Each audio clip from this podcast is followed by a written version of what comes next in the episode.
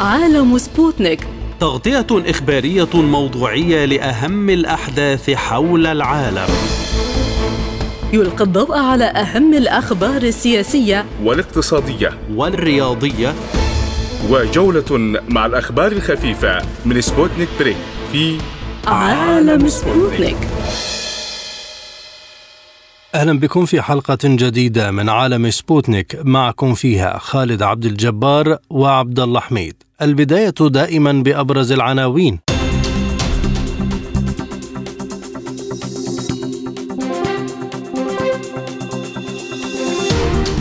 إسرائيل تقصف حرم كنيسة بحي الزيتون بغزة وتقتل وتصيب العشرات بينهم طفلة صغيرة وعشرات القتلى والجرحى في مجزرة جديدة نتيجة القصف الإسرائيلي على دير البلح استمرار ترديد أنباء حول إدخال المساعدات إلى غزة عبر معبر رفح وسناك يشكر إسرائيل على دخول مساعدات لم تدخل بعد. القاهرة تنتظر قمة غدا السبت حول غزة بحضور كبير يضم الأمين العام للأمم المتحدة والمنظمات الدولية. وسائل إعلام أمريكية تقول إن سفينة حربية أمريكية اعترضت عدة صواريخ أطلقت عليها من السواحل اليمنية. تظاهرات مليونية في العديد من العواصم العربية والإسلامية مع استمرار قصف إسرائيل وحصد مئات الأرواح من الأبرياء. إلى التفاصيل قصفت إسرائيل موقعا بالقرب من كنيسة في حي الزيتون جنوب غزة مما أدى لمقتل وإصابة العشرات بينهم طفلة صغيرة. وأفادت وكالة الأنباء الفلسطينية بأن الكنيسة التي قصفها جيش الاحتلال لجأ إليها المئات من النازحين الفلسطينيين أغلبهم من النساء والأطفال موضحة أن القصف أحدث أضرارا جسيمة لحقت بأجزاء من مبنى كنيسة الروم في غزة وتدمير مبنى بجوارها. كما ذكرت أن كنيسة الروم تبعد أمتارا عن مستشفى المعمداني في قطاع غزة. وأعلنت وزارة داخلية حكومة حماس أن الكثير من النازحين الذين لجأوا إلى حرم كنيسة في غزة قتلوا وجرح عدد آخر في غارة إسرائيلية. وقال الجيش الإسرائيلي إنه يتحقق من هذه المعلومات. في الوقت نفسه نفذ الجيش الإسرائيلي مجزرة جديدة باستهداف مخيم دير البلح وأغارت الطائرات الإسرائيلية على حي سكني في منطقة البصة غرب دير البلح وهو المكان الذي يأوي إليه عدد كبير من اللاجئين ضمن معسكر للجوء حيث يسكن المواطنون في منازل صغيرة مما أسفر عن سقوط عشرات القتلى والجرحى. وقد وصلت أعداد كبيرة من الإصابات الخطيرة من النساء والأطفال والقتلى إلى مستشفى شهداء الأقصى بدير البلح من إسطنبول ينضم إلينا إبراهيم المدهون رئيس مؤسسة فيميد للإعلام. أستاذ إبراهيم على ماذا يراهن الاحتلال إذا بهذا التصعيد غير المسبوق؟ وفي كل لحظة هناك مجزرة وهناك قصف لبيت مأهول وكان آخرها أيضا قصف الكنيسة وارتكاب مجزرة في عوائل مسيحية هناك وتم إبادتهم. وأيضا مجزره في دير البلح وفي جباليا وفي كل مكان. هناك الآن عملية قتل وحشي يقوم بها الاحتلال الإسرائيلي. هذا دليل أن الاحتلال الإسرائيلي آه، مأزوم وغير آبه بكل القوانين والأعراف الدولية. وهو يأخذ شرعية أو يأخذ دعما ومسانده من الولايات المتحدة الأمريكية ولولا وقوف الولايات المتحدة الأمريكية بكل يعني قواها السياسية والعسكرية والمعنوية آه، وتهديدها للمنطقة واستخدام هذه البوارج واستخدام هذه الطائرات لما ارتكب الاحتلال كل ذلك. الاحتلال كان اليوم يعمل وكأنه لا يرى أحد في العالم ولهذا هو يرتكب ويقتل بشكل نازي وكأن آه، يعني النازية عادت من جديد تصب جمام وحشيتها على الشعب الفلسطيني في قطاع غزة. استهدف الاحتلال حرم كنيسة الروم الأرثوذكس في غزة، هل هذا الاستهداف بلا خطوط حمراء؟ الاحتلال الإسرائيلي الآن يستهدف كل شيء، استهدف المساجد والمدارس والكنائس والأسواق والمخابز والأدوية واستهدف الإنسان القابع في بيته، الإنسان الذي يسير في الشارع.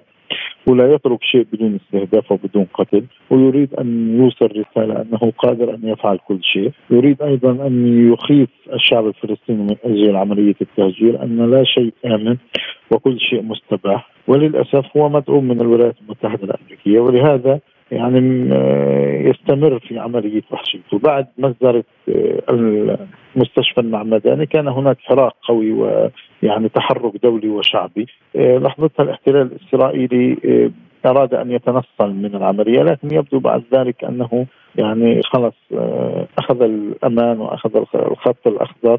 والضوء الأخضر من الولايات المتحدة ليكمل يعني جرائمه بهذه الوحشية. ولهذا ليس مستبعد عنه أي شيء. ما آه يعني آه اليوم يعني ما أطلقه الاحتلال الإسرائيلي خلال العملية خلال العملية العدوانية على قطاع غزة يوازي أكثر من نصف قنبلة نووية على قطاع غزة، هناك الآلاف هناك آلاف آه، الجرحى والشهداء والضحايا تحت الأنقاض حتى أنه يضرب آه، قوات الدفاع المدني والذين يريدون أن ينتشروا هذه الأنقاض لتبقى هذه الجثث آه، في الشوارع، لا نحن اليوم أمام مشهد مروع وللأسف لا أحد يتحرك. هل هناك أي اعتراف بقصف حرم الكنيسة ام أن إسرائيل تنكر أيضا كما أنكرت في جريمة المستشفى الأهلي؟ يبدو أن الاحتلال الإسرائيلي يعني يحاول أن يخدع ليستمر في عمليات القصف، هو حذر الكنيسة، حذر المعمداني، تم قصفهم بعد ذلك حينما يشاهد بعض يعني أو يتكشف وجهه الحقيقي يذهب إلى عملية يعني المراوغة والكذب ونشر الإشاعات والأكاذيب، لكن هو حتى اللحظة في كل لحظة الآن يتم توجيه القصف والتدمير على قطاع غزة ويمتلك الطائرات ويمتلك الدبابات والبوارج الحربية. اليوم في كل لحظة هناك يعني إطلاق أطنان أو مئات الأطنان على قطاع في كل لحظة لا يتوقف عن القصف لا يتوقف عن التدمير ومع ذلك هو غير قادر على الانتصار هو يظن أن بالدم وإراقة الدم وسفك الدم وبالهدم والتدمير والقتل يمكن أن ينتصر ولكنه لم يقرأ التاريخ أن كثير من القوى الغاشمة هزمت أمام مدن رفضت الاستسلام ورفضت الانكسار. اليوم آه، غزة ستالينغراد تواجه تدفع ثمنا باهظا يدمر فيها كل شيء لكنها ما زالت صامدة صابرة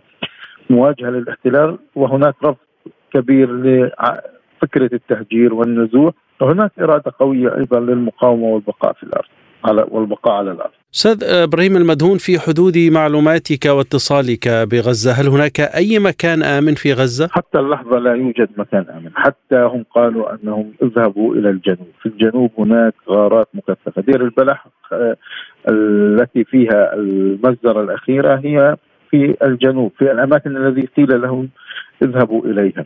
معنى أن الاحتلال الإسرائيلي لا آه لا يجعل أي مكان آمن إن كان مستشفى إن كان مدرسة إن كان مكان لجوء كان مؤسسة دولية إن كان كنيسة إن كان مسجد إن كان سوق مخبز كل شيء يتم قصفه وبدون أي سابق إنذار ولهذا أعداد الشهداء تتزايد بشكل طردي وبشكل كبير بالإضافة أن هناك مفاجآت في كل لحظة يتم يعني آه، الذهاب إلى مجزره جديده في مكان غير متوقع. يعني حينما تم قصف المستشفى بهذه الوحشية هذه ليست المستشفى الأولى التي يتم قصفها نفس المستشفى تم قصفها قبل يوم وكان آه، تحذيري الكنيس كذلك المساجد.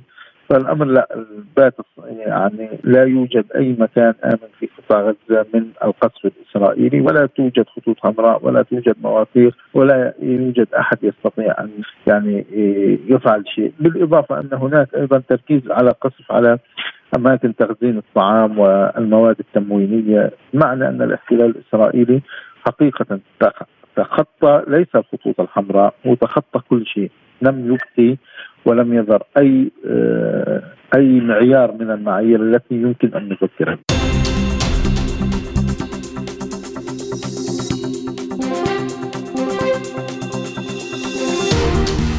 يأمل الفلسطينيون في غزة وصول أول المساعدات الإنسانية للقطاع خلال الساعات القادمة بعد نحو أسبوعين من القصف الإسرائيلي وحصار تفرضه إسرائيل التي ما زالت تستعد لهجوم بري وتواصل قصفها للقطاع بعد هجوم حماس المباغت الذي بدأ في السابع من أكتوبر الجاري. يأتي ذلك فيما نقلت وسائل إعلام أمريكية عن مصادر لم تسمها أنه من غير المتوقع فتح معبر رفح الحدودي اليهودي يوم الجمعة أمام قافلة مساعدات إنسانية لقطاع غزة. وتجرى مفاوضات منذ أكثر من أسبوع لأجل إدخال المساعدات التي يحتاجها السكان بشدة خاصة المستشفيات التي فقدت كل وسائل التشغيل وعلاج المرضى والمصابين في القطاع بالإضافة إلى نقص الطعام وانقطاع المياه والكهرباء. وهو ما يهدد بكارثة إنسانية. وتطالب إسرائيل بالإفراج عن الرهائن الذين تحتجزهم حماس وعدم دخول الوقود وتفتيش الشاحنات قبل الدخول. بينما قالت حماس على لسان أحد قادتها وهو خالد مشعل إنه من الممكن الإفراج عن الرهائن من المدنيين في حال تغير الأوضاع وتوقف إسرائيل عن قصف غزة. من القاهرة ينضم إلينا أشرف أبو الهول مدير تحرير الأهرام المختص في الشأن الإسرائيلي. أستاذ أشرف ما هي تفاصيل الاتفاق إذن على إدخال المساعدات الذي تأخر كثيرا وتضارب الأخبار عن فتح معبر رفح اليوم أو غدا؟ يعني وبالتأكيد هناك أنباء متضاربة.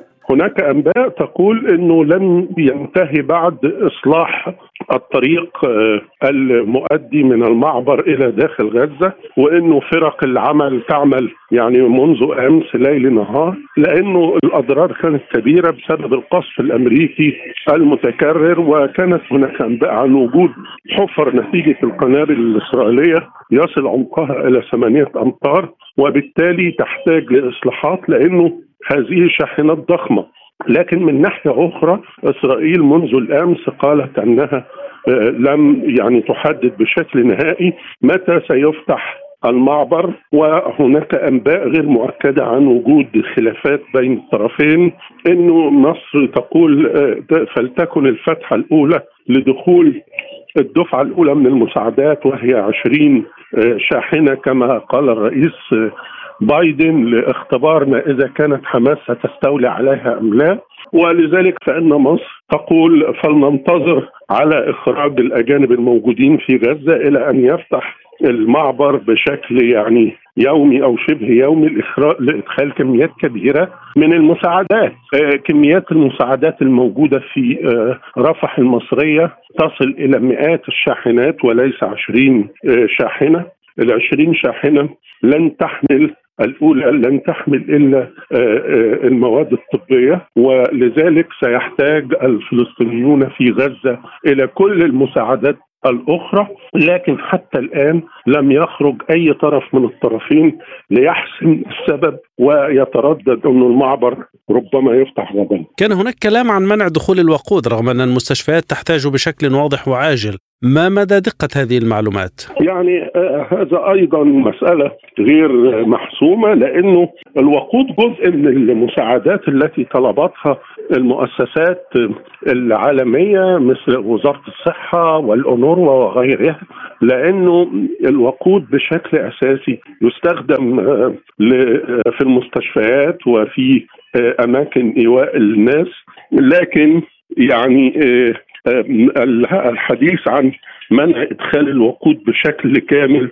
هذا أيضا يعني غير محسوم.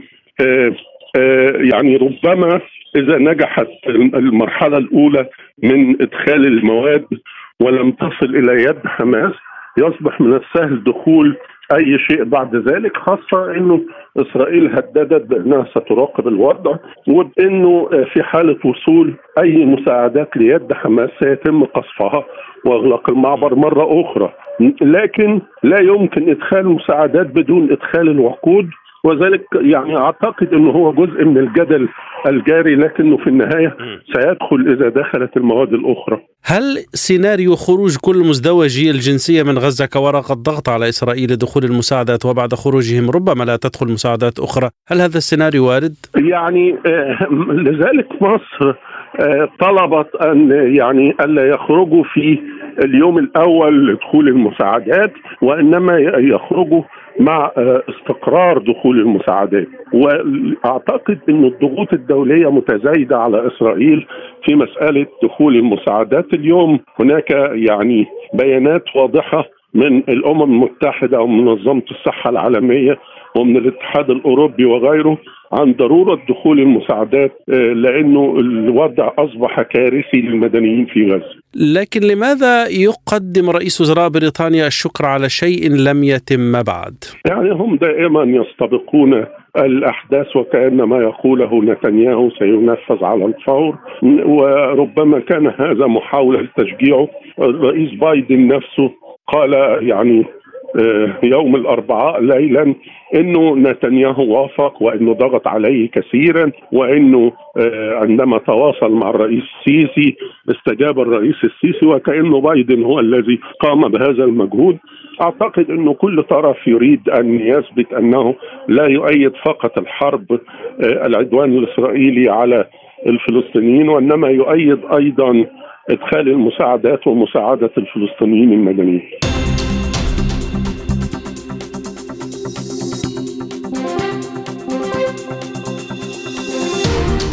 قالت وسائل إعلام أمريكية إن سفينة حربية تابعة للبحرية اعترضت الخميس عدة صواريخ أطلقت عليها من السواحل اليمنية. وقال مسؤولان أمريكيان إن سفينة حربية تابعة للبحرية تعمل في الشرق الأوسط اعترضت عدة مقذوفات بالقرب من ساحل اليمن يوم الخميس.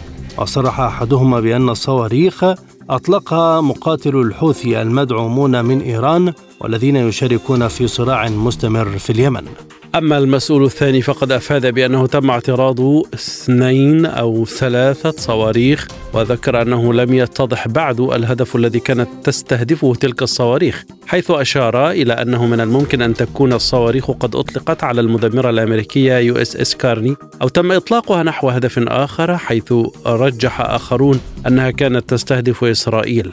وعبرت السفينة الأمريكية يو إس إس كارني قناة السويس إلى البحر الأحمر يوم الأربعاء. وقالت قيادة قوات الأسطول الأمريكي في منشور على وسائل التواصل الاجتماعي إن السفينة ستساعد في ضمان الأمن البحري والاستقرار في الشرق الأوسط. المزيد ينضم إلينا من صنعاء الباحث اليمني الدكتور عبد الستار الشميري. دكتور ما هي آخر المستجدات في اليمن وما موقف اليمن مما يحدث في قطاع غزة؟ في اعتقادي لا قد بال تقرير الملف الإنساني وتقرير ملف الحديدة. وبعض الاتفاقات والخطوط الموهومة التي يقال عنها أنها بداية اتفاق حول خارطة سلام تشمل الجانب الإنساني. سيكون هناك شبه توصية أو ما شابه في الدفع بعملية السلام ودفع الأطراف ومطالبتهم وحث دول الأقليم على المشاركة والتفاعل.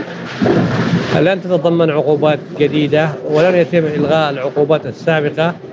العقوبات السابقة ربما ستبقى لآخر خطوات إذا تفتقت خارطة حل سياسي شامل يمكن أن يراجع ملف العقوبات التي كانت تشمل الحوثيين وتشمل أيضا بعض رجال المؤتمر صالح وابنه وآخرين آه هذه الجلسة ربما من الجلسات الاعتيادية التي لن يكون فيها صدى أو فيها متغير خاصة مع المستجدات الآن في الشرق الأوسط والحرب الدائرة في غزة. آه هناك محاولة لتهدئة المنطقة بكل الوسائل وعدم فتح أي مجابهة جديدة أو استفزاز أي جماعات من جماعات التي غالبا توالي إيران ولها حضور في هذه اللحظة. هناك تصريحات نارية من الحوثيين فيما يتعلق بغزة وهناك أيضا تصريحات مماثلة في العراق وهناك اشتعال في الشرق الأوسط يجعل الجلسة تكون جلسة اعتيادية ولن تذهب بعيدا في أي اتجاه. آه، ربما تشهد بعض الحث على إلزام بعض الدول التي وعدت المانحة أن أن تدفع ما عليها خاصة أن هناك وعود من بعض الدول ولم يتم الوفاء بهذه الوعود في مؤتمر المانحين الأخير. حتى هذه اللحظة. هذه جملة توقعات أولية توقعها لهذه الجلسة. أيضا لمزيد من المتابعة من صنعاء ينضم إلينا أكرم الحاج المحلل السياسي اليمني. أهلا بك سيد أكرم. هل أصبحت الولايات المتحدة مهددة إذا في المنطقة مع هذا الغضب العربي الكبير من الدعم الأمريكي المطلق لإسرائيل؟ بالتأكيد أصبحت أمريكا مهددة من القوى الوطنية والضمائر الحية آه، لكل شعوب العالم لكل قوات العالم اليقظه آه، التي تدرك ما ترتكبه أمريكا وإسرائيل في حق الشعب الفلسطيني فهي مهددة. فما يتعرض له الشعب الفلسطيني هي مجزرة حقيقية لأن لها الجبين قتل الأطفال قتلت النساء كل شيء مباح في فلسطين أمام المرأة ومصنع من العالم. وبايدن وبنيامين نتنياهو اليوم يشار لهم بالبنان أنهم مجرمي حرب. هناك معلومات تفيد بأن الصواريخ ربما كانت تستهدف إسرائيل وقادمة من الحوثيين، هل آه، يمكن إثبات ذلك؟ الجميع يعلم أن صنعاء آه، هي تعتبر اليوم من دول محور المقاومة وسبق وان آه، أفصح قائد أنصار الله عبد الملك بدرين الحوثي صراحة أن إذا دخلت الولايات المتحدة الأمريكية في الحرب ضد غزة ضد المقاومة الفلسطينية في غزة فإن صواريخ صنعاء والطيران المسير وكل ما يمكن آه، ضربه لأهداف أمريكية آه، فهي متوقعة. هذا بحسب تصريحات بالصوت والصورة لزعيم حركة انصار عبد الملك الحوثي.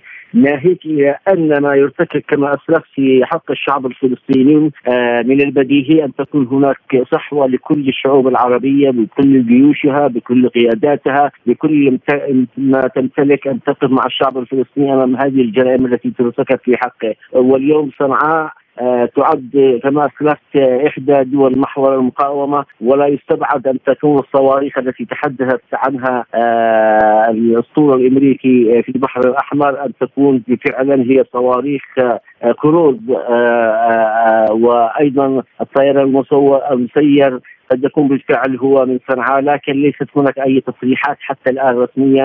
أن صنعاء استهدفت كما تقول القوات الأمريكية استهدفت آه، أهداف آه، أمريكية كانت في البحر الأحمر أو كما تقول أنها كانت باتجاه باتجاه تل أبيب. برأيك إلى أي مدى ستكون هناك جبهات أخرى تفتح ضد إسرائيل في اليمن؟ لا اعتقد أعتقد أن الولايات المتحدة الأمريكية بكل أساطيلها بكل قواتها هي تعلم ما يدور في المنطقة وتعلم ما يدور في البحر الأحمر وكل وكل الأجواء اليمنية بسواحلها ببرها بجوها أعتقد هي أمام آه، آه، أعين الأقمار الصناعية الأمريكية. وصراحة إذا ما كانت الصواريخ من صنعاء فصنعاء ستصرح آه، بكل شفافية بكل وضوح. لأن كما أسلفت لكم أنه ليس هناك ما يخفيه أي يمني أمام أن يكون واقفا أمام الشعب الفلسطيني الفلسطينيين. ولا أعتقد أن تكون هناك قوى أخرى آه، كما تفصيل في جماعات أخرى آه، تكون في المنطقة استهدفت آه، الولايات المتحدة الأمريكية ومصالحها هل يمكن أن يتسع نطاق الحرب من عدة دول عربية وهل هكذا بدأ ما تخشاه الولايات المتحدة من توسيع نطاق الحرب الحالية؟ بالتأكيد اليوم محور المقاومة أعلنها صراحة ومنها صنعاء كما أسلفت إذا ما تدخلت الولايات المتحدة الأمريكية في حربها على غزة فإن الأهداف الأمريكية سوف تكون على مرمى من صواريخ وطيران مسير هذه الدول. آه وبالتأكيد آه اليوم المنطقة هي على صريح ساخن ولا يستبعد أن تكون هناك حرب إقليمية. غطست الصهاينة وغطست آه الرئيس الامريكي بايدن اليوم أصبحت وقحة لدرجه كأنهم أصبحوا يرمون اللوم كله كله على حماس، يرمون اللوم كله على الشعب الفلسطيني، لماذا يقتل؟ لماذا يسفك دمه؟ لماذا يذبح؟ من الطبيعي آه ان أن تكون هناك آه الأهداف كما أسلفت ومصالح الولايات المتحدة الأمريكية مهددة. آه، اليوم تهجير أبناء غزة آه، كما يصفون أو تصفية حماس آه، من هذا القبيل وتصفية المقاومة اجمالا. هذا شيء من المستحيل. لا يعقل أن يباد شعب فلسطين في غزة بتلك البشاعة لهدف استئصال حركات المقاومة. أعتقد أن المشروع أكبر مما يتوقع. أعتقد ليس فقط هي حماس المستهدفة. أعتقد اليوم المنطقة برمتها هي المستهدفه الصهاينة يريدون الاستيلاء على غزة وطرد وطرد وتهجير الفلسطينيين. هذا ما يعني أن آه، الحرب قادمة إقليمية إذا ما تطاولت بالفعل الولايات المتحدة الأمريكية وإسرائيل بارتكاب جرائم أكثر مما قد حدث رغم أن ما ما حدث غزة يكفي لأن تكون كل الضمائر الحية في العالم وقواتها آه، آه، حاضرة في ردع الصهاينة والولايات المتحدة الأمريكية ولما أوصل الوضع إلى هذا الحد.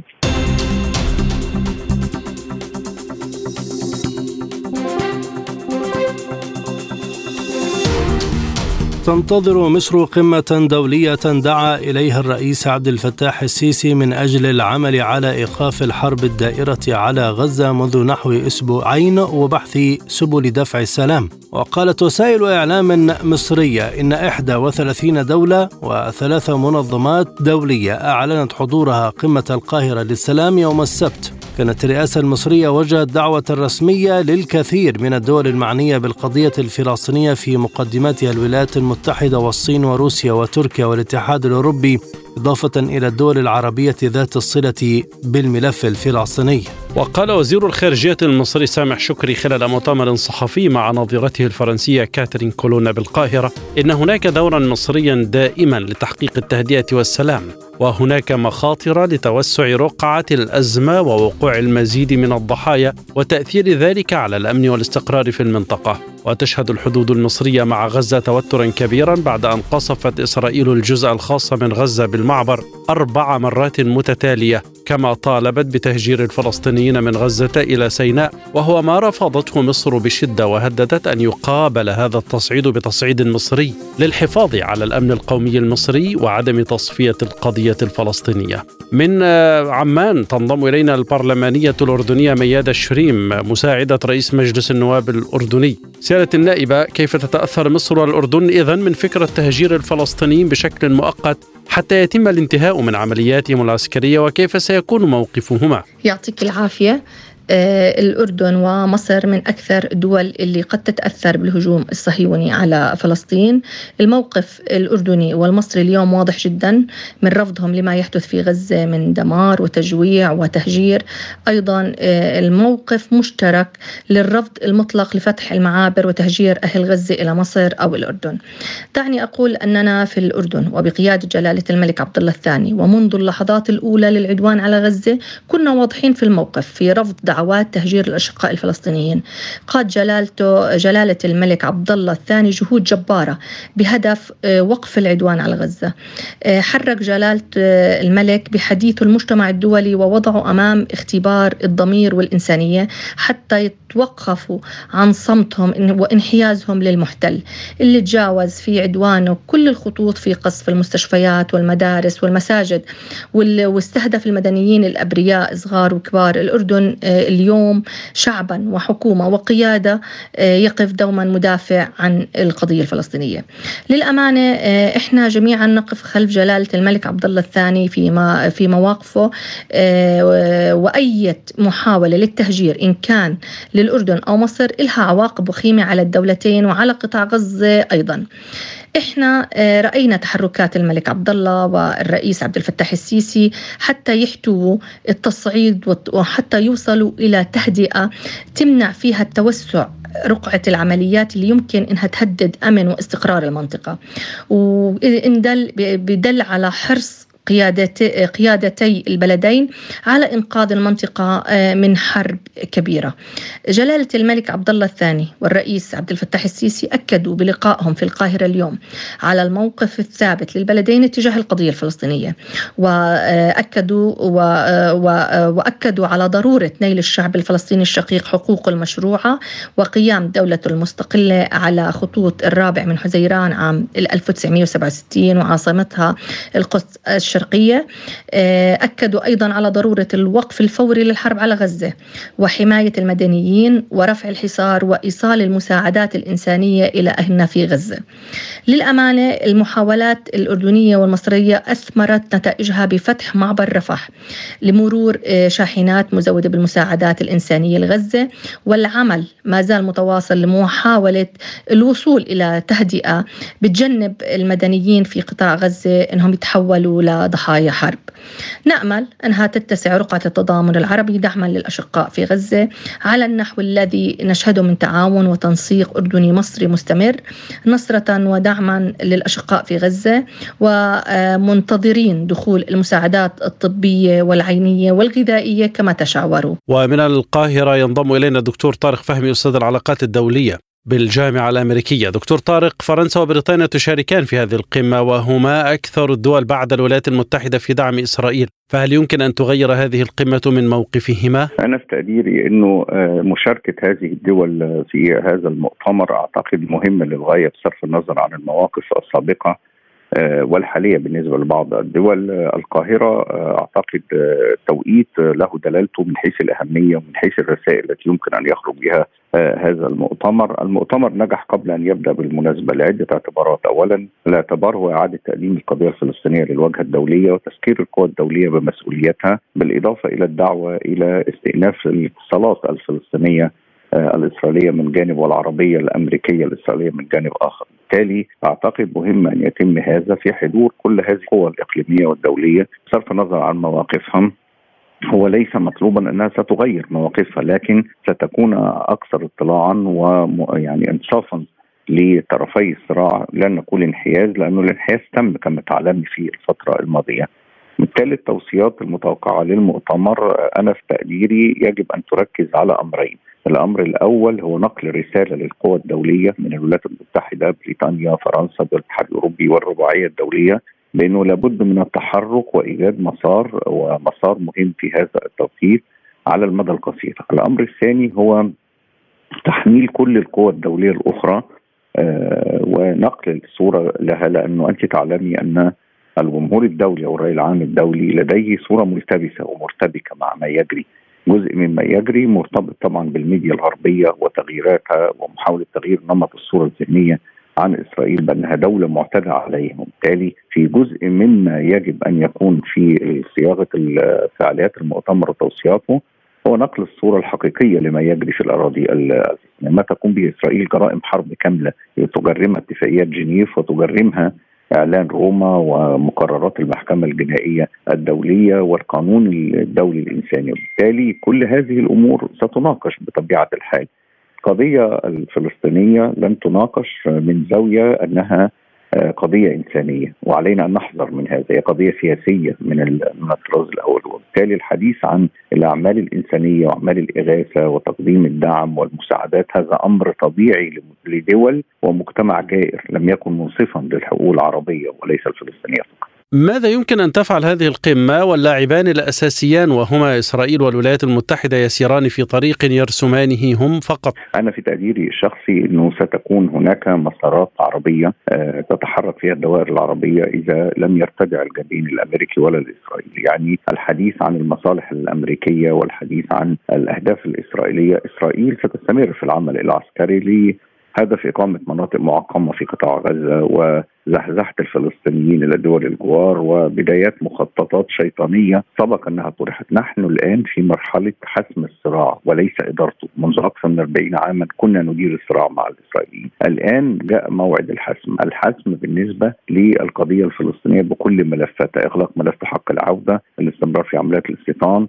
تجزئه الأقصى آه، عدم الالتزام بأي اتفاقيات تمت مع الأردن وإسرائيل في مقتضى الاتفاق الشارع الثلاثي للحفاظ على المقدسات الإسلامية وحكم الهاشمين عليها. وبطبيعة الحال في آه، الملف الخاص بحق العودة والإقرار بالحقوق الفلسطينية، بالتالي أعتقد إنه المسألة الآن دخلت في مرحلة الحسم، إما أن يكون هناك موقفا عربيا رابعا لا يحتمل انصاف حلول واشباه خيارات وإما الانصياع لما ستقوم بإسرائيل بفرضه.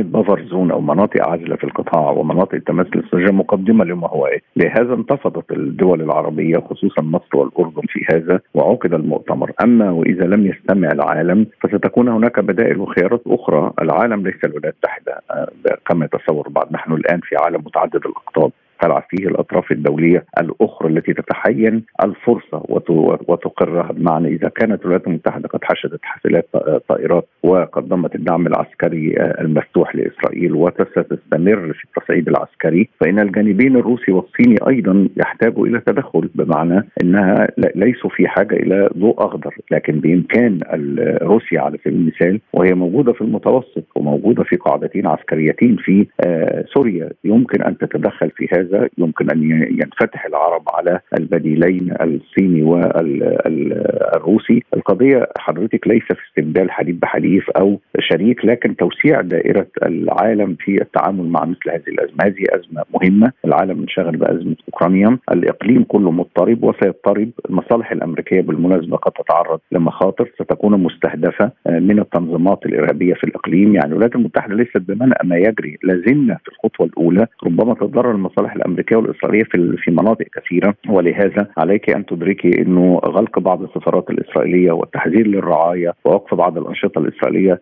تحسبا لما هو قادم. بمعنى إذا استمر هذا المشهد فستكون هناك صور مأساوية لن تكون مقتصرة على القطاع وربما ستتجدد أعمال إرهابية بالتالي الولايات المتحدة بنظرتها المنقوصة اللي هي غير مدركة لما يجري وفريق آه، من المفاوضين الامريكان سواء كان أوستن وزير الدفاع أو وزير الخارجية آه، بلينكين ومستشاري الأمن القومي وغيرهم ليس لديهم الرؤية الكاملة والإنحاز الكامل لإسرائيل سيؤدي إلى نتائج صفرية وستتأثر المصالح الأمريكية ولا تنسي أن الانتخابات الأمريكية على الأبواب بمعنى إن هذا الرئيس ومن وراءه لابد أن يتبنوا مواقف معينة ليس دفاعا عن الصوت اليهودي لكن بطبيعة الحال إذا تضررت صالح الامريكيه ستكون هناك مراجعة كبيرة أعتقد لدينا إمكانيات ولدينا خيارات ولدينا بدائل يمكن التعامل معها في هذا السياق. ما هي الأوراق التي توجد لدى المشاركين في القمة للضغط على إسرائيل؟ هل يمكن أن تتخذ هذه القمة خطوات عملية للضغط على إسرائيل لإيقاف الحرب؟ أشرت إلى بعضها لكن بطبيعة الحال إسرائيل ماضيه في العمل العسكري قولا واحدا، لن تتوقف قبل أن تنتهي العمليات العسكرية. المستوى العسكري يسيطر على مقاليد الأوضاع في قطاع غزة ولا وفي إدارة إسرائيل والعملية في قطاع غزة مستمرة إلى حين استيفائها، هناك بنك أهداف آه، بيتم تنفيذه ببنوده بعناصره، لا نتوقع إنه العمليات العسكرية تتوقف قبل أن يتم استيفاء هذه العناصر الرئيسية في هذا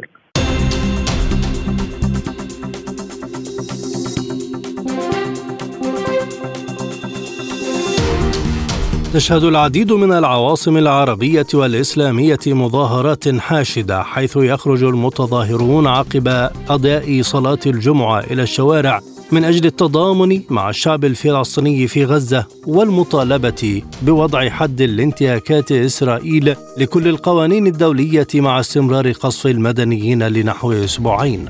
المظاهرات لا تقتصر فقط على الدول العربية والإسلامية بل إنها تخرج أيضا طوال الأيام الماضية في الولايات المتحدة والعديد من الدول الأوروبية الداعمة لإسرائيل على رأسها بريطانيا وفرنسا وألمانيا التي كانت قد حاولت منع هذه التظاهرات لكنها فشلت في ذلك. وقد خرجت في مصر الكثير من المظاهرات في أنحاء متفرقة من القاهرة والأقاليم. كلها تجمع على دعم غزة والتصدي لإسرائيل بالإضافة إلى قطع العلاقات مع إسرائيل. وقال المتظاهرون الكثير من العبارات منها شعب يباد على مرأى ومسمع من العالم الذي يسمي نفسه حرا. أين حقوق الإنسان؟ أغلبية ضحايا المجازر ترتكبها إسرائيل ضد الأطفال والنساء. وفي لبنان أيضا التي تفتح جبهة صراع مع إسرائيل من خلال حزب الله خرج آلاف المتظاهرين للمطالبة بدعم غزة وطالبوا رؤساء الدول العربية بالتحرك العاجل وردع العدوان على الفلسطينيين في غزة. ورفع البعض لافتات كتبوا عليها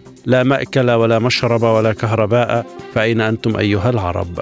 من بيروت ينضم إلينا الدكتور طارق عبود الباحث في الشؤون الدولية. دكتور طارق كيف يمكن أن تؤثر هذه المظاهرات على الأوضاع المتوترة في غزة؟ يعني هناك غضب آه، عارم في العالم حقيقة يتجلى ذلك في هذه المظاهرات التي بدأت تخرج وبدأت يعني الشعوب أو الجماهير غير الرسمية تعبر عن غضبها من ما يحدث في في غزة نحن اليوم في زمن يصل الخبر إلى كل العالم حتى لو لو أرادت وسائل الإعلام الغربية المنحازة إلى الإسرائيلي في أن لا آه، تصل آه، الخبر لا تصل الصورة الحقيقية لما يجري من مذبحة في في غزة. فإن يعني العالم تصله عبر وسائل التواصل وعبر عدد من المحطات أو آه، الوسائل. لذلك البروباغندا التي يقودها الغرب بقيادة الولايات المتحدة الأمريكية تؤثر في مكان ما يعني في بيئة ما. الذين لا يتابعون التفاصيل ويهتمون بالسياسة كالمجتمع يعني جزء كبير من المجتمع الامريكي هذه البروباغندا تؤثر في فيهم. ولكن باقي الشعوب هي بدأت تعبر عن هذا الامتعاض ولا سيما في أن الأيام الأولى كانت يعني أيام لم يكن هذا الاعتراض موجودا.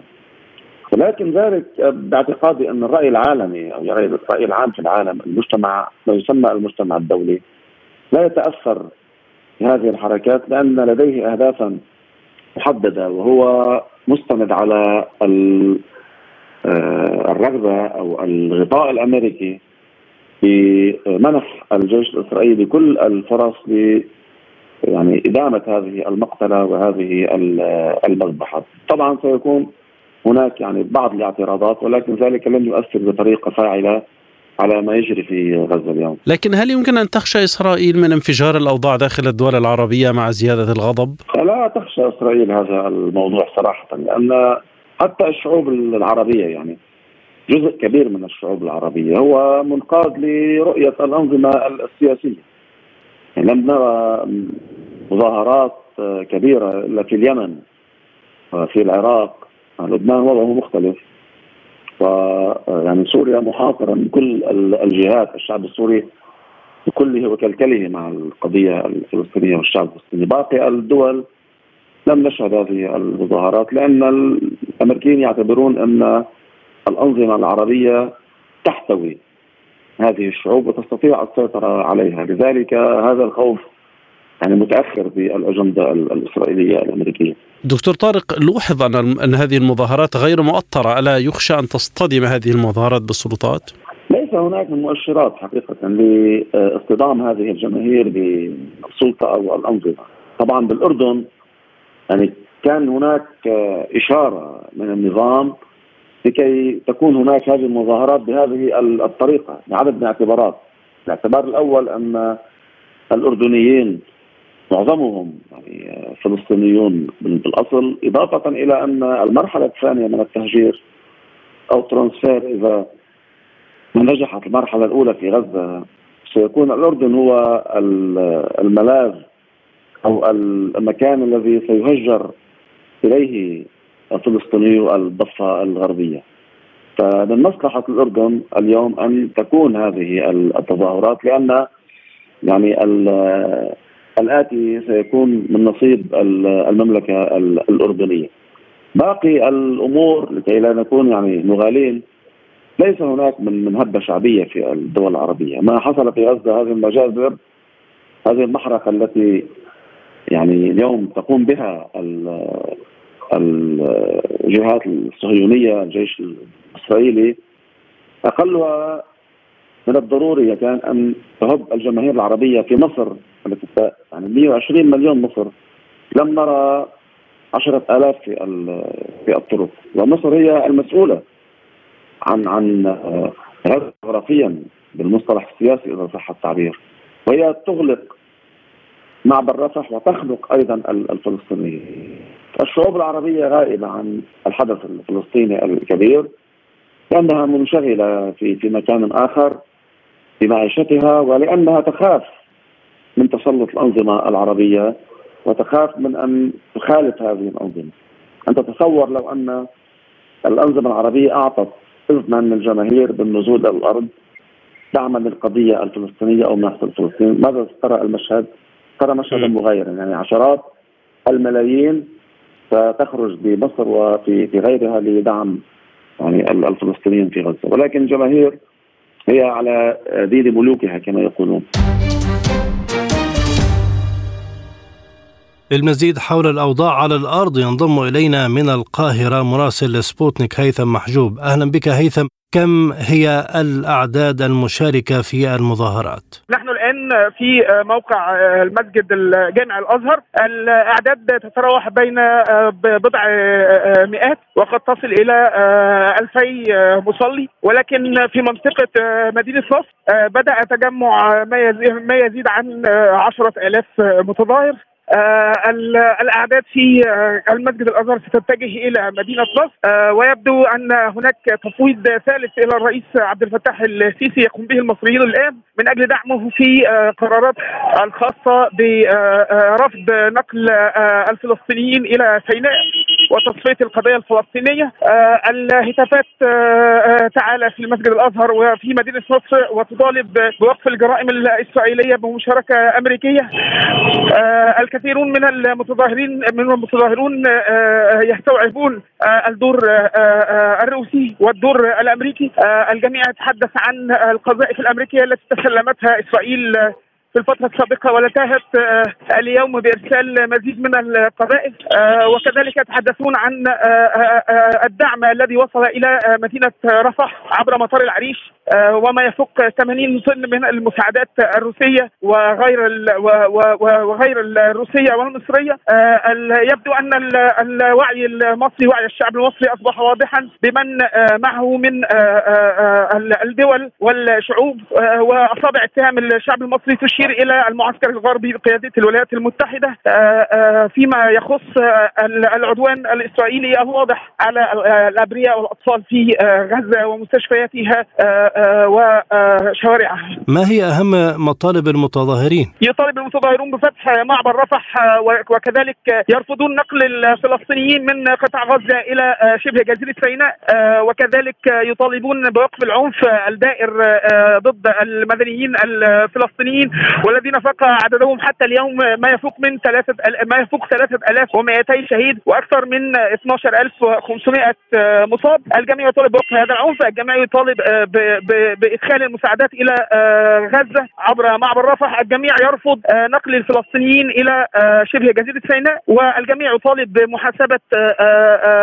الجانب الإسرائيلي على جرائم الحرب التي ارتكبها. وهناك طبعا بالطبع نداءات شعبية. طالب بفتح معبر رفح لعبور المصريين وكذلك دعم القيادة السياسية في قراراتها آه، الخاصة بمنع برفض دخول الفلسطينيين إلى شبه جزيرة سيناء وتصفية القضية الفلسطينية. هيثم هل يرى المتظاهرون أن صوتهم سوف يصل إلى القيادات السياسية؟ القيادة السياسية تحدثت آه، آه، أول أمس عن إمكانية توجيه طلب إلى الشعب المصري بالنزول إلى الميادين لتفويضه فيما يخص قراره برفض نقل الفلسطينيين في الحقيقة اليوم ما يفوق 20 محافظة آه، نظمت آه، تظاهرات آه، ومسيرات داعمة لقرار الرئيس المصري عبد الفتاح السيسي وداعمة للشعب الفلسطيني ومندده بالأحداث والأفعال التي يقوم بها الجيش الإسرائيلي.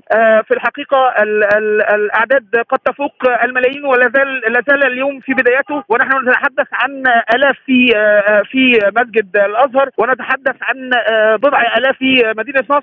والاخبار تتناقل من المحافظات المصرية بأن مئات الآلاف بدأوا يتحركون إلى المناطق المحددة للتظاهر ودعم قرار القيادة السياسية. أيضا ينضم إلينا من بيروت مراسل سبوتنيك أحمد محمد. أهلا بك أحمد. قبل أن نتحدث عن المظاهرات ما هي آخر تطورات التصعيد بين حزب الله وإسرائيل؟ طبعا آه، هناك تصاعد في وتيرة استهدافات حزب الله على طول الحدود اللبنانية والتي بدأت منذ ما يقارب الأربعة أيام، فمثلا اليوم صباحا آه، وفجرا طبعا استهدف الجيش الإسرائيلي منزلا في بلدة طير حيفا، هذه يعني كانت آخر ما حدث آه، اليوم. آه، البارحة آه، كان هناك سلسلة من الاستهدافات في القطاع الغربي من لبنان والشرقي أيضا للمواقع الإسرائيلية الموجودة هناك المشرفة على الأراضي والحدود اللبنانية الجنوبية. طبعا اهمها كان في هذه اهم هذه الاستهدافات كان في موقع العباد الإسرائيلي حيث استهدف بصواريخ وقذائف مباشرة واستهدفت معظم أبراجه وأجهزة التجسس الموجودة فيه. طبعا موقع العباد الإسرائيلي يقابل بلدة حولة اللبنانية. هذا الموقع له استراتيجية مهمة لأنه يشرف على كامل الأراضي السهلية اللبنانية هناك وطبعا يشرف على منطقة الجليل الأعلى. آه، حزب الله آه، يحاول من خلال سلسلة استهدافاته لكامل المواقع الإسرائيلية الممتدة من شرق الحدود إلى غربها في القطاعات الشرقية والغربية والوسطى أن آه، يدمر كافة أجهزة التجسس والاستشعار الاسرائيليه هناك. آه، حزب الله طبعا يستكمل هذه العملية من خلال ضرب الكاميرات الموجودة على طول الحدود ما يقارب 50% من الكاميرات التجسسية الإسرائيلية استهدفها حزب الله. يحاول حزب الله من خلال هذا الأمر أن يكون آه، الجيش الإسرائيلي آه، عينه عينه عمياء طبعا مع ظروف الطقس التي آه، تتجه نحو البرودة والشتاء لن يكون هناك للمسيرات أو طائرات الاستطلاع إمكانية بكشف أي تدخل لحزب الله.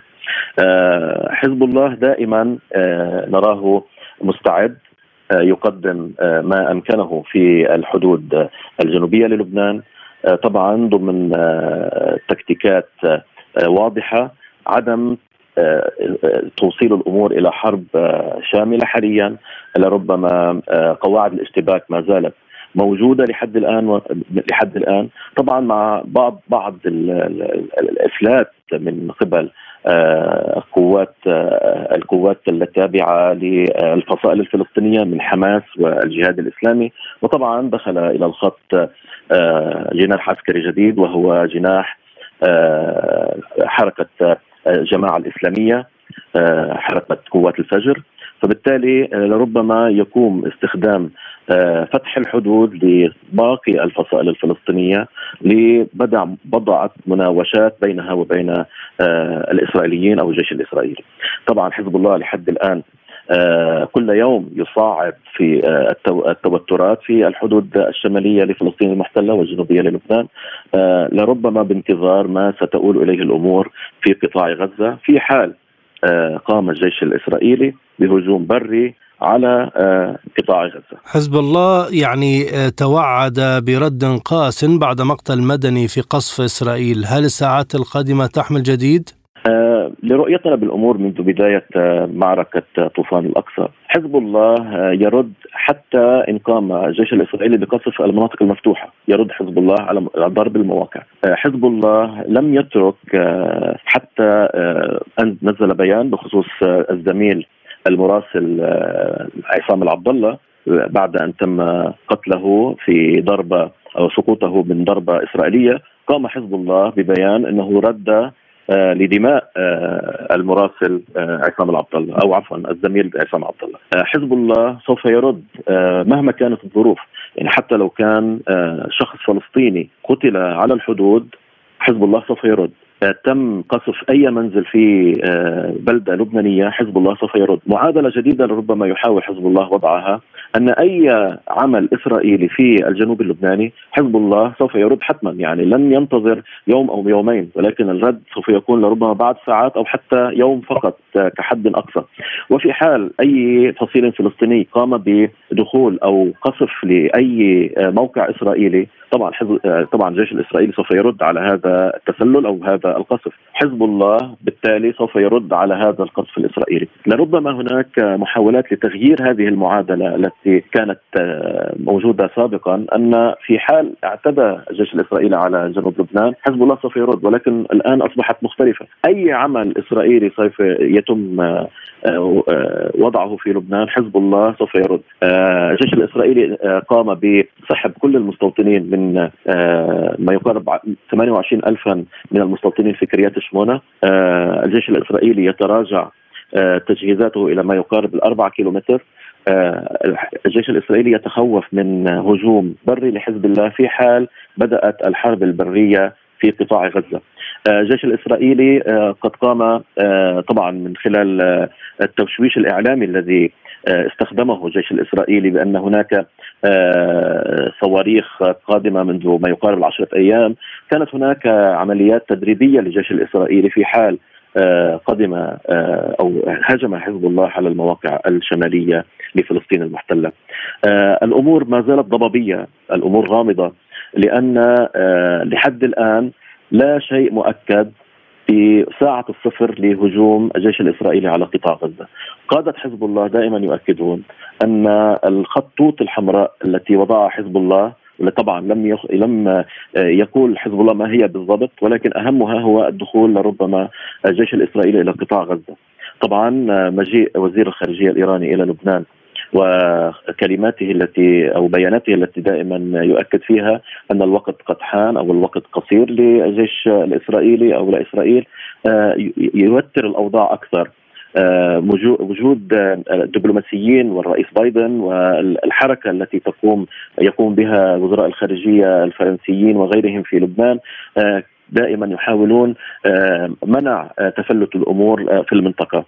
حزب الله جاهز بكل الاحتمالات هكذا يقول قادته. وطبعا أمس في ميس الجبل كان هناك خطابات وكلمات لقادته بالاستعداد الكامل بصمتهم الذي يرعب الجيش الإسرائيلي. لربما هناك مفاجآت يحملونها للإسرائيلي. كل شيء ممكن حاليا في الجبهة الجنوبية للبنان. بالنسبة للمظاهرات التي خرجت هل هي بأعداد كبيرة وهل هناك مشاركة من شخصيات بارزة وهل ستكون هناك مظاهرات جديدة اليوم؟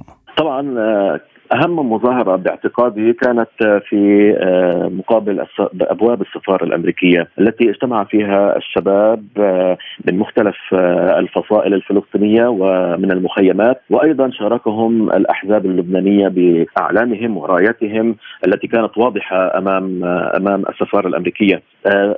الشعب اللبناني والشعب الفلسطيني اللاجئ في لبنان دائما يحاولون رفع مظلومية أهالي غزة طبعا هناك مظلومية عليهم القضية مظلومة لديهم طبعا بحسب أقوالهم. آه، طبعا آه، القادة في الأحزاب المختلفة والفصائل الفلسطينية كانوا موجودون أمام السفارة آه، أمام أبواب السفارة الأمريكية منددين لما استخدام الأسلحة الأمريكية ضد قطاع غزة، الدعم الأمريكي الكامل لقطاع للجيش الإسرائيلي، طبعا العديد لا بل كل المناطق اللبنانية من مختلف طوائفها ومذاهبها كانت داعمة من خلال حضورهم في الوقفات المنددة في كل المناطق. فمثلا في مدينة الصيدا كانت هناك وقفتين أو ثلاثة داخل المخيمات الفلسطينية دائما هناك آه وقفات. اليوم يوم الجمعة فطبعا هناك مسيرة كبرى سوف تنطلق من آه قلب بيروت في طريق الجديده آه آه المدافن في في مخيم صبرا وشتيلة. آه طبعا من بعد بعد منها في الضاحية الجنوبية هناك وقفة أخرى آه متعددة طبعا. الساعة الساعة الثانية هناك وقفة الساعة الرابعة هناك وقفة الساعة الخامسة ونصف هناك وقفة في بيروت. بينما في الجنوب في صيدا وصور والمخيمات الفلسطينية الموجودة هناك دائما هناك في وقفات. طبعا الوقفات الكبرى تكون في المدن الكبرى كبيروت وصيدا وصور وطرابلس. آه لربما آه طبعا آه الفلسطينيين المسيحيين هنا في لبنان داعمين لإخوانهم في آه في فلسطين في فلسطين المحتلة وفي قطاع غزة. آه لربما آه في البقاع وفي مدينة بعلبك في مخيم المخيمات آه، الفلسطينية هناك دائما في وقفات معينة. اليوم آه، لربما سيكون هناك وقفات أكبر لأن صلاة الجمعة تحشد أكثر من الناس فدائما يوم الجمعة يكون هو منطلق أساسي للقوى الإسلامية وغيرها لكي يكون هناك وقفات منددة لما يحدث كل يوم في قطاع غزة. كيف يمكن أن يؤثر ذلك على تصرفات حزب الله ودوره في الصراع الدائر؟ آه، حزب الله الآن لحد الآن يستخدم سياسة الصمت والتي هي عدم فتح الجبهة إلا في حال كسر آه، الخطوط الحمراء أو آه، الهجوم على قطاع غزة البري. آه، طبعا هناك مطالبات من الجماهير من الناس عبر وسائل التواصل الاجتماعي وال social media والفيسبوك واليوتيوب يحاولون دائما القول أن على حزب الله فتح الحدود أو بدء حرب من الجنوب اللبناني لتخفيف وطأة الضربات على قطاع غزة. لحد الآن لا جواب رسمي على ماذا متى سوف يتم فتح الحدود أو هل سيتم فتح الحدود حقا؟ آه، الشعب الفلسطيني هنا آه، الشباب الفلسطيني هنا مستعدون آه، فقط يقولون إنهم يريدون الذهاب إلى الحدود لاسترجاع أراضيهم المحتلة. حزب الله لحد الآن لم يعطي ساعة الصفر متى بدأ هذه العملية. حزب الله يستخدم سياسة الصمت وهي من خلال قيادته لن يكون هناك جواب ليرضي مثلا آه، أو يعطي أجوبة لإسرائيل أو الجيش الإسرائيلي هل سيكون هناك ساعة صفر أو لا.